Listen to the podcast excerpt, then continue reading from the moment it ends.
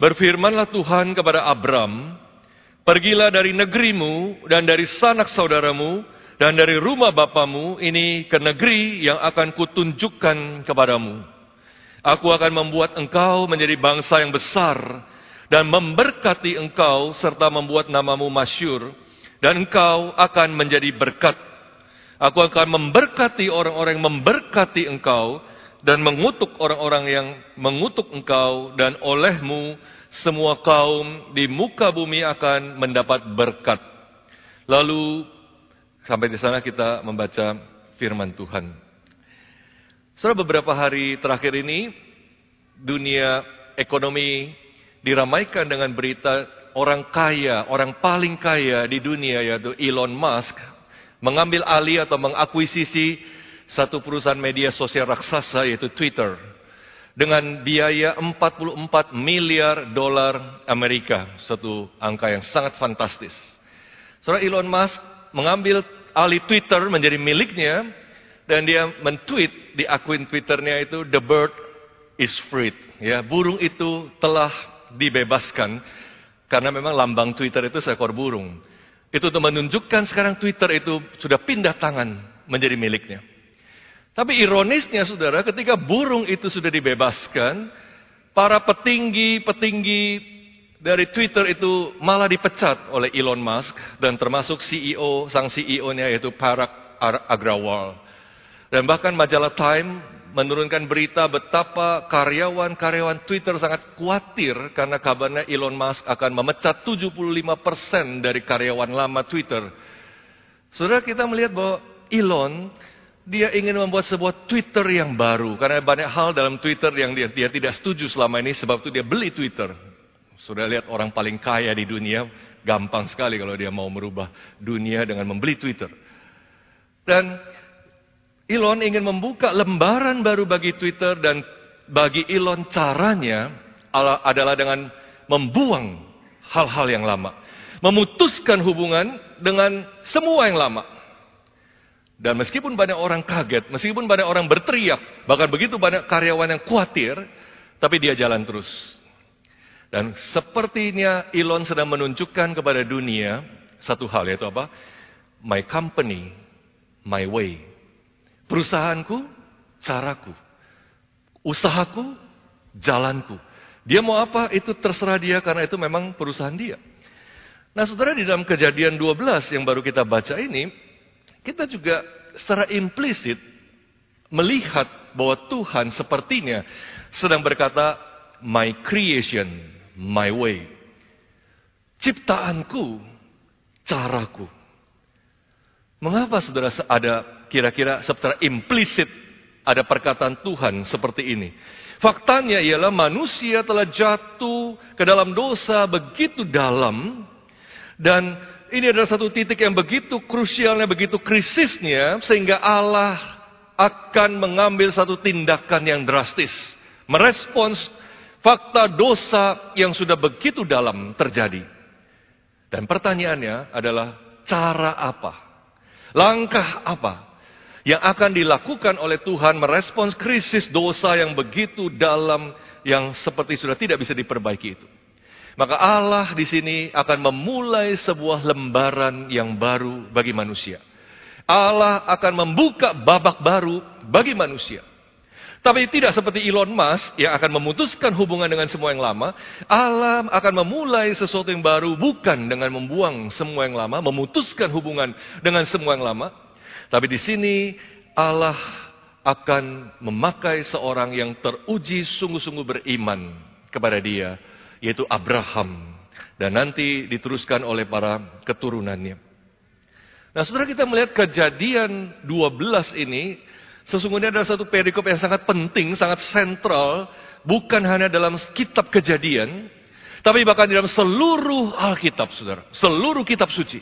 Kenapa, saudara? Karena dalam pasal inilah kita melihat sebuah titik balik. Sebuah turning point dari sejarah manusia yang sudah begitu dalam dalam rusak oleh dosa. Dan di sanalah Allah intervensi dan kalau Allah tidak intervensi maka habislah riwayat manusia.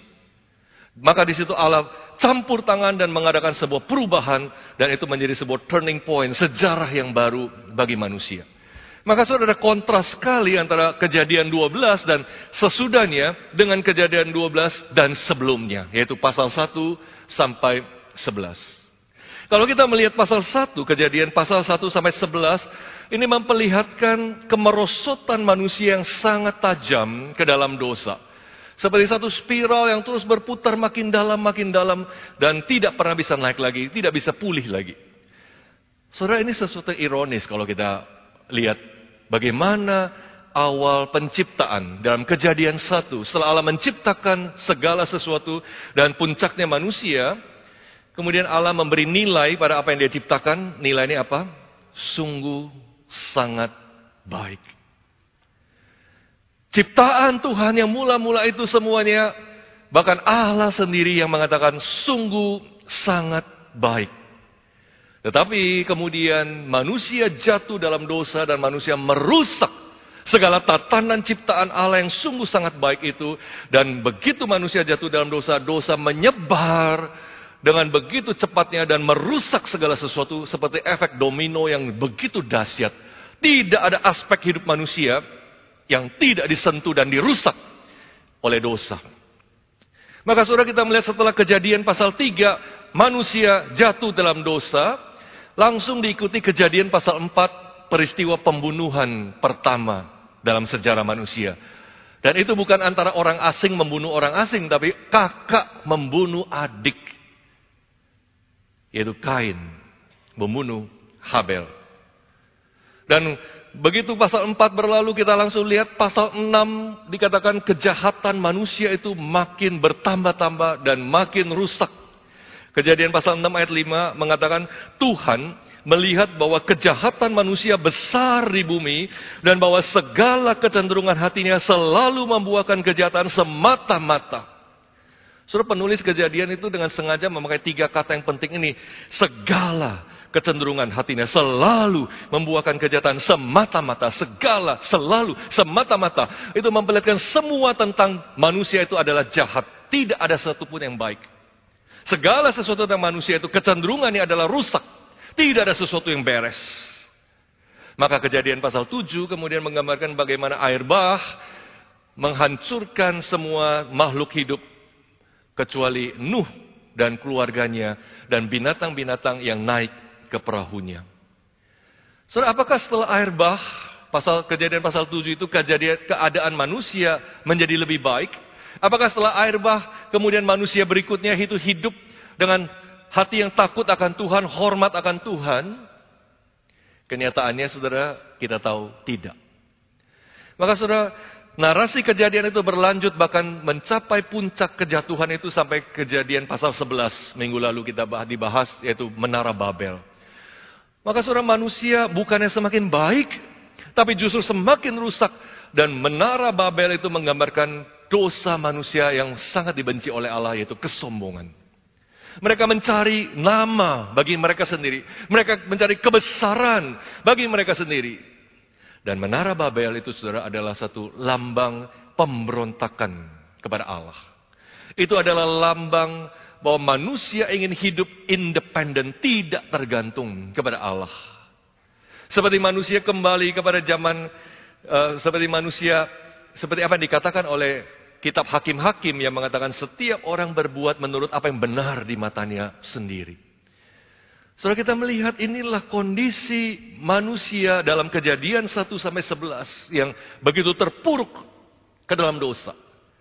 Maka saudara kejadian 1 sampai 11 ini adalah satu gambaran yang sangat pesimistis tentang sejarah hidup manusia. Ini adalah satu gambaran yang begitu buruk tentang kejatuhan manusia yang seperti mengacau balakan tujuan penciptaan Allah. Allah menciptakan langit, bumi, dan segala isinya dan puncaknya manusia untuk kemuliaannya supaya gambar dan rupa Allah memenuhi seluruh bumi dan bangsa-bangsa itu ada dan mengenal Allah, memuliakan Dia. Tapi bagaimana itu bisa tercapai ketika kita lihat yang terjadi justru kejatuhan demi kejatuhan demi kejatuhan.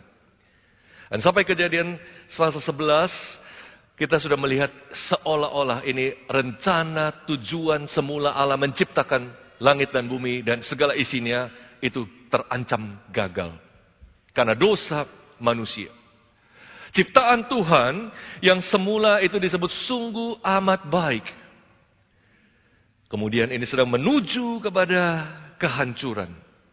Sedang menuju kepada titik yang di luar batas untuk bisa ada harapan diperbaiki. Beyond hope untuk bisa diperbaiki. Ini satu perjalanan yang sudah irreparable, tidak bisa diperbaiki lagi, irreversible, tidak bisa dibalik lagi. Spiral kejatuhan itu semakin dalam dan semakin dalam.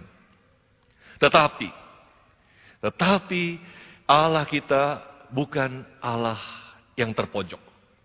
Allah kita bukan Allah yang terkejut dengan situasi seperti itu. Allah kita adalah Allah yang tidak pernah gagal.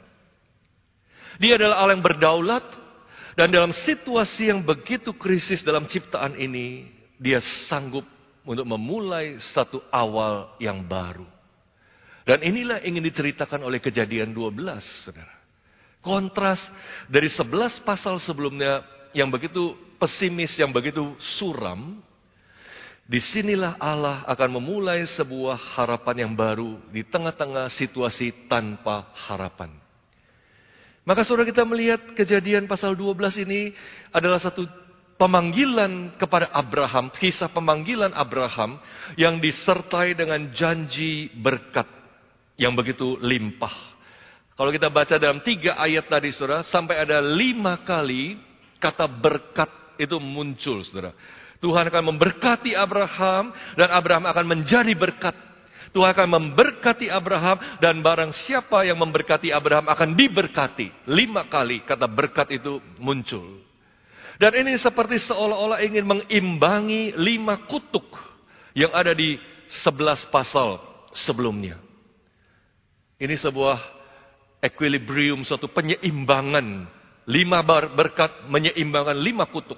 Karena kalau kita lihat di pasal-pasal sebelumnya ada lima kutuk itu kutuk kepada ular, kutuk kepada tanah, kutuk kepada kain, dan kemudian kutuk kepada bumi, dan Nuh mengutuk anaknya Ham karena melakukan tindakan yang tidak pantas kepada orang tuanya, yaitu Nuh.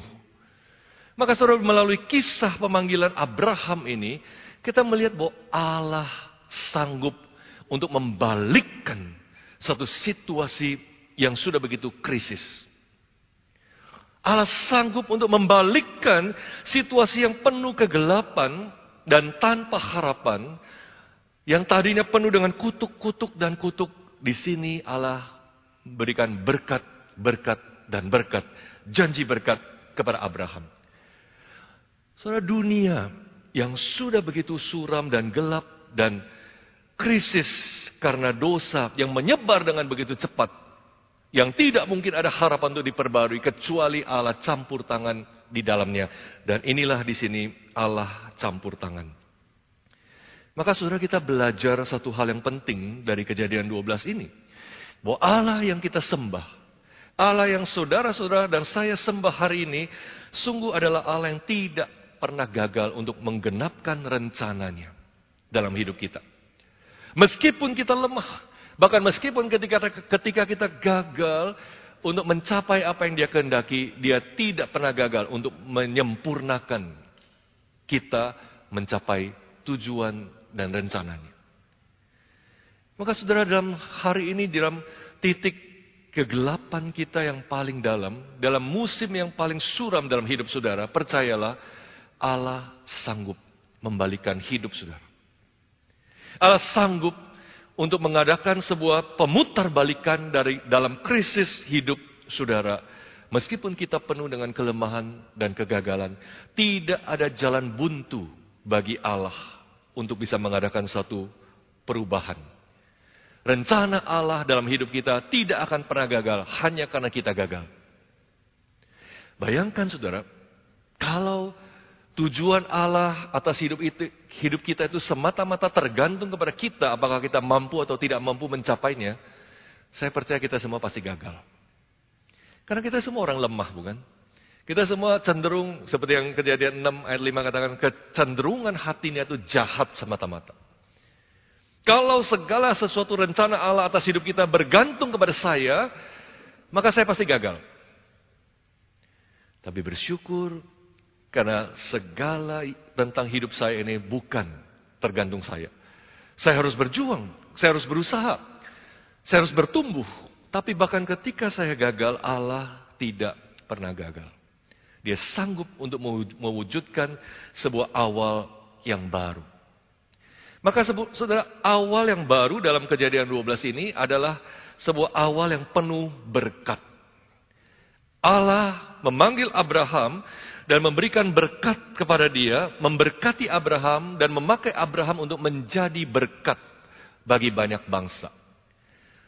Maka saudara hari ini di sini kita mungkin perlu berhenti sejenak dan berpikir sebenarnya apa sih diberkati itu. Saudara, ini sebenarnya sesuatu hal yang mungkin tanpa sadar kita sudah luncurkan setiap hari lewat kata-kata kita, lewat ketikan pesan-pesan WA kita ya. Selamat ulang tahun, Tuhan memberkati. Ya, selamat bahagia, Tuhan memberkati. Wah, selamat ya Tuhan memberkati. Uh, setiap hari WA kita penuh dengan Tuhan berkati, Tuhan berkati. Saya pribadi terus terang sangat gentar mengetik kata Tuhan memberkati dan saya hampir tidak pernah mengetik hanya Tuhan memberkati, tapi saya selalu mengikutkan dengan berbagai kata-kata berikutnya untuk menjelaskan apa itu berkat Tuhan. Saudara, apa itu diberkati? What, what does it mean to be blessed? Nah, saudara, untuk untuk mengerti diberkati itu apa, kita perlu kembali kepada situasi awal berkat itu diberikan. Saudara, kapan kata berkat itu pertama kali muncul di Alkitab? Kata berkat itu pertama kali muncul di Alkitab itu di kejadian 1 ayat 28.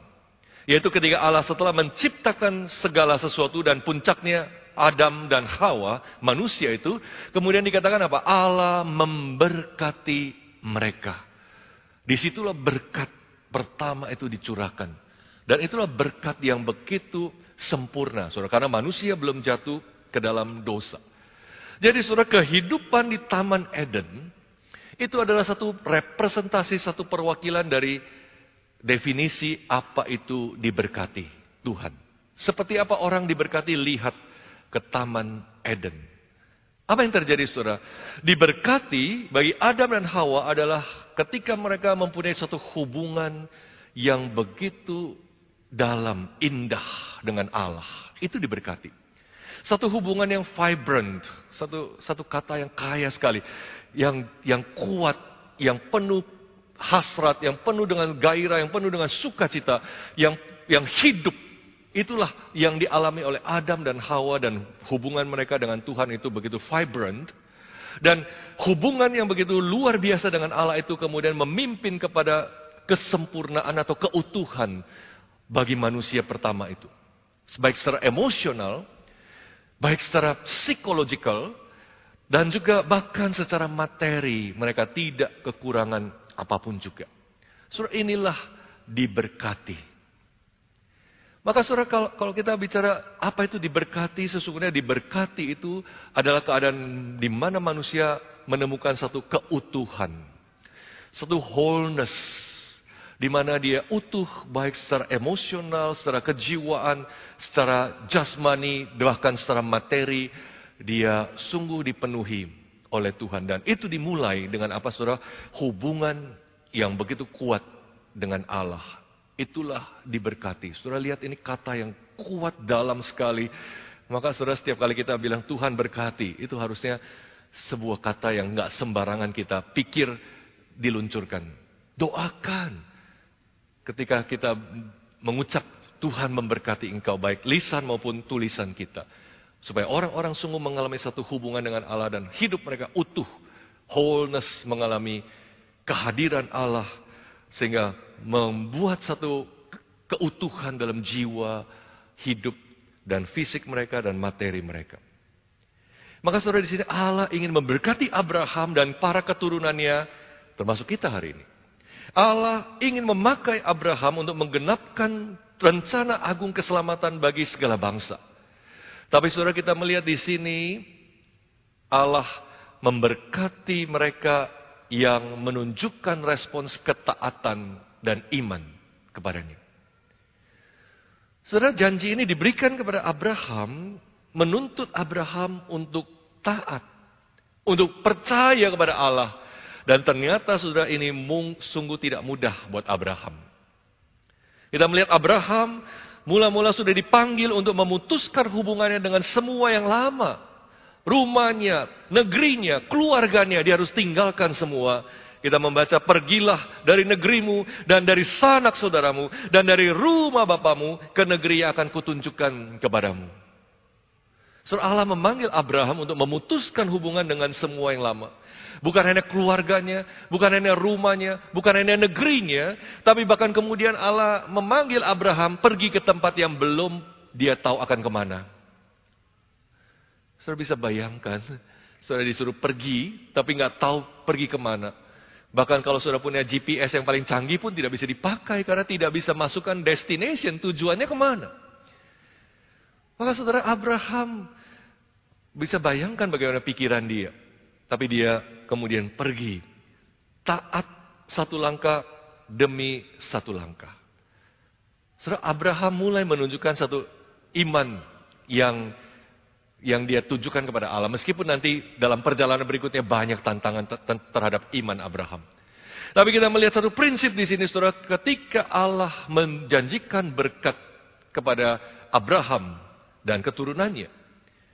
Maka saudara kita belajar bahwa orang-orang yang menerima janji Allah harus siap kalau Tuhan memimpin perjalanan dari comfort to discomfort. Dari kenyamanan kepada ketidaknyamanan.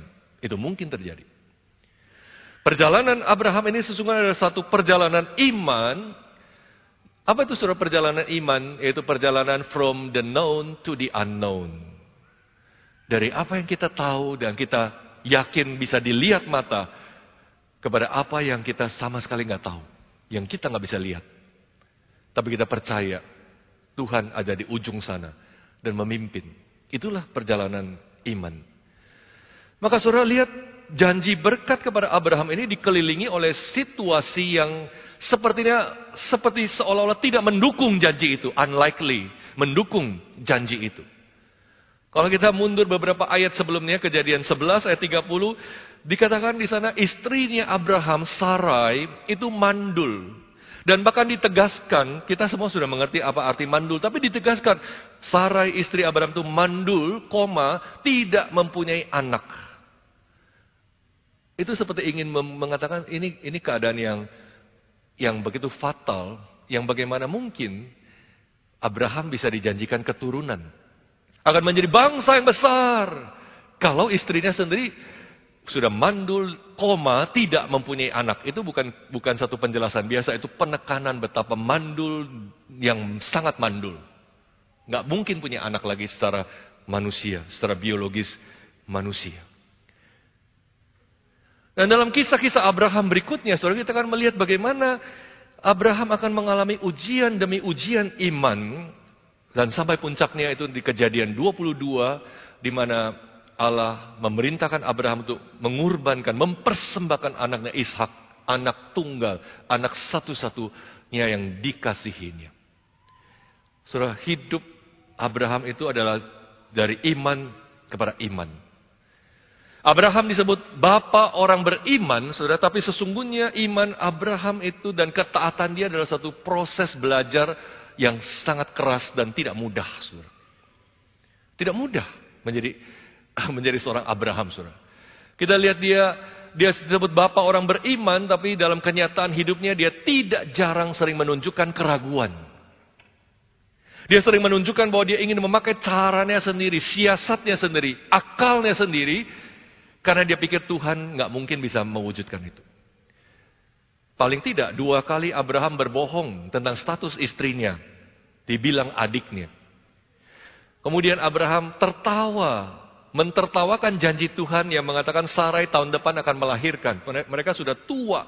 Sudah sudah istrinya sudah jauh dari menopause. Abraham sudah 100 tahun. Bagaimana bisa punya anak dan Abraham mentertawakan janji Tuhan.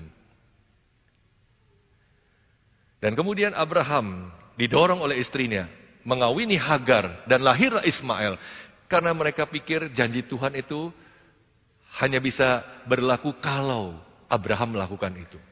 Bukan menunggu keturunan dari Sarai, tapi mengawini perempuan lain, hamba dari Sarai. Maka saudara kita melihat iman Abraham, bapak seorang seorang bapak orang beriman seperti ini, imannya bukan tiba-tiba kuat, teguh dari mulanya, penuh dengan jatuh bangun dan perjuangan. Maka saudara, di sini kita melihat Abraham itu menjadi satu model bagi kita. Bahkan juga menjadi satu dorongan, encouragement buat kita. Karena Abraham, sama halnya dengan kita, ternyata adalah orang-orang yang jauh dari sempurna. Adalah orang-orang penuh dengan keterbatasan dan kelemahan Abraham seperti kita sama, saudara. Maka saudara ini adalah satu gambaran betapa Abraham dan kita semua membutuhkan anugerah Allah, belas kasihan Allah untuk memampukan kita berjalan sampai kita mendapatkan penggenapan janjinya. Maka saudara kita terhibur bahwa sesungguhnya keberhasilan Abraham satu langkah demi satu langkah itu adalah anugerah demi anugerah daripada Allah saja. Dan saudara kita bersyukur hari ini janji Allah buat Abraham itu kita dapatkan sekarang di dalam Kristus Yesus saudara. Paulus dengan jelas mengatakan dalam Galatia pasal 3 ayat 29, Paulus katakan demikian. Jikalau kamu adalah milik Kristus, maka kamu juga adalah keturunan Abraham dan berhak menerima janji Allah atau janji Allah kepada Abraham. Jikalau kamu adalah milik Kristus, kamu adalah keturunan Abraham dan kamu berhak menerima janji Allah kepada Abraham itu. Saya bersyukur saudara hari ini janji berkat dalam kejadian 12 ini menjadi milik kita dan janji dalam kejadian 12 ini bukan satu janji ribuan tahun yang lalu yang tidak ada hubungannya dengan saudara dan saya. Janji ini adalah tentang saudara dan saya, saudara. Karena kita menerima penggenapannya dan keutuhan janji itu di dalam Kristus Yesus. Di dalam Kristus Yesus, saudara kita menerima dan mendapatkan berkat di atas segala berkat, saudara. Kenapa? Karena hanya di dalam Kristus kita berdamai dengan Allah. Dan jangan lupa, itulah saudara satu gambaran Taman Eden. Manusia punya hubungan yang begitu intim dengan Allah tanpa halangan. Dan itulah sumber segala berkat. Sumber keutuhan dalam hidup manusia.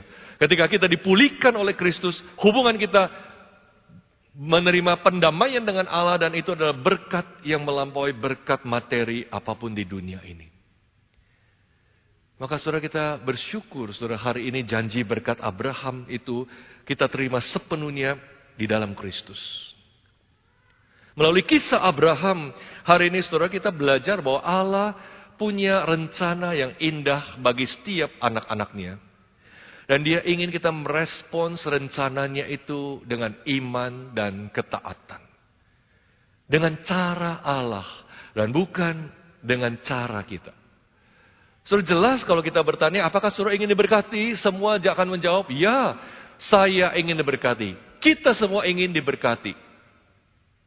Tapi sering kali saudara kita mau diberkati dengan cara yang kita pikir sendiri, dengan agenda kita sendiri. Kita merespons firmannya dengan keraguan dan kita kemudian berpikir mungkin cara saya akan lebih berhasil untuk bisa mendapatkan berkat Tuhan itu.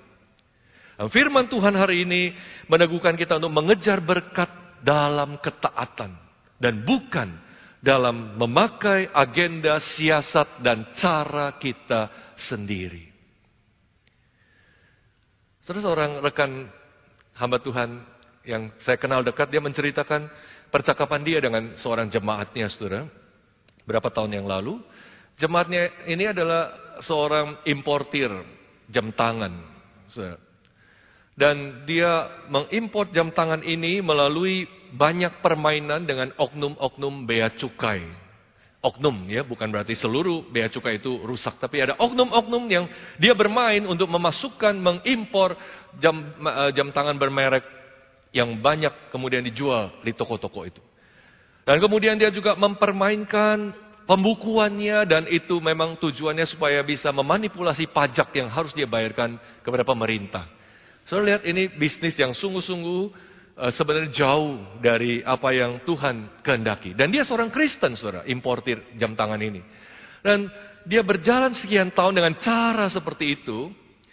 Dan satu waktu dia mulai berpikir, ini bukan cara yang Tuhan berkenan. Hatinya mulai tidak sejahtera, hatinya tidak damai, dan dia terus berpikir, apakah ini memang apa yang Tuhan mau saya jalankan? Dan semakin dia menjalani bisnisnya itu semakin dia tidak sejahtera sampai akhirnya dia mengambil satu keputusan yang mengagetkan. Bahkan keluarganya pun kaget. Bahwa dia akan berhenti melakukan cara bisnis seperti itu. Maka saudara untuk sementara dia sampai tidak melakukan apa-apa dalam bisnisnya. Dia tidak mengimpor jam, satu jam tangan pun juga. Karena dia berpikir dia ingin mengawali dengan satu cara yang baru. Lembaran baru dalam hidupnya dan bisnisnya. Dia berhenti impor, dia masih berpikir gimana dia mau jalanin lagi untuk berikutnya. Dan saudara, para pedagang jam tangan itu semuanya teriak, mana barang, mana barang. Kenapa sekarang tidak ada barang? Karena penjual, pembelinya banyak yang mau, tapi tapi barangnya tidak ada. Dan dia berkata kepada para pedagang itu, kalau kamu mau jam tangan itu sekarang sulit dan harganya akan sangat mahal, akan jauh lebih mahal. Dan saudara tahu apa yang dikatakan oleh para pedagang jam tangan? Mereka bilang, tidak peduli harganya. Pokoknya sediakan barang, kami akan jual. Nah saudara kemudian jemaat ini, dia berpikir, oke okay, kalau gitu dia impor lagi. Tapi sekarang dia menempuh cara yang benar. Dia tidak lagi mau ada permainan dengan oknum-oknum bea cukai. Dia impor semua dengan jalur yang resmi. Dan kemudian dia bereskan pembukuannya semua sekarang benar-benar apa adanya. Tidak ada manipulasi termasuk untuk pajak yang kemudian dia bayarkan. Tidak ada manipulasi. Nah saudara, kemudian Tuhan memberkati bisnisnya yang dengan cara yang benar ini. Dan tetap dia uh, mempunyai satu rejeki yang baik, berkat yang baik dalam bisnisnya ini. Dan dia mengatakan, sekarang saya benar-benar merasakan damai sejahtera. Saya merasakan benar-benar saya diberkati oleh Tuhan. Karena saya melakukan semua sesuai dengan kehendak Tuhan.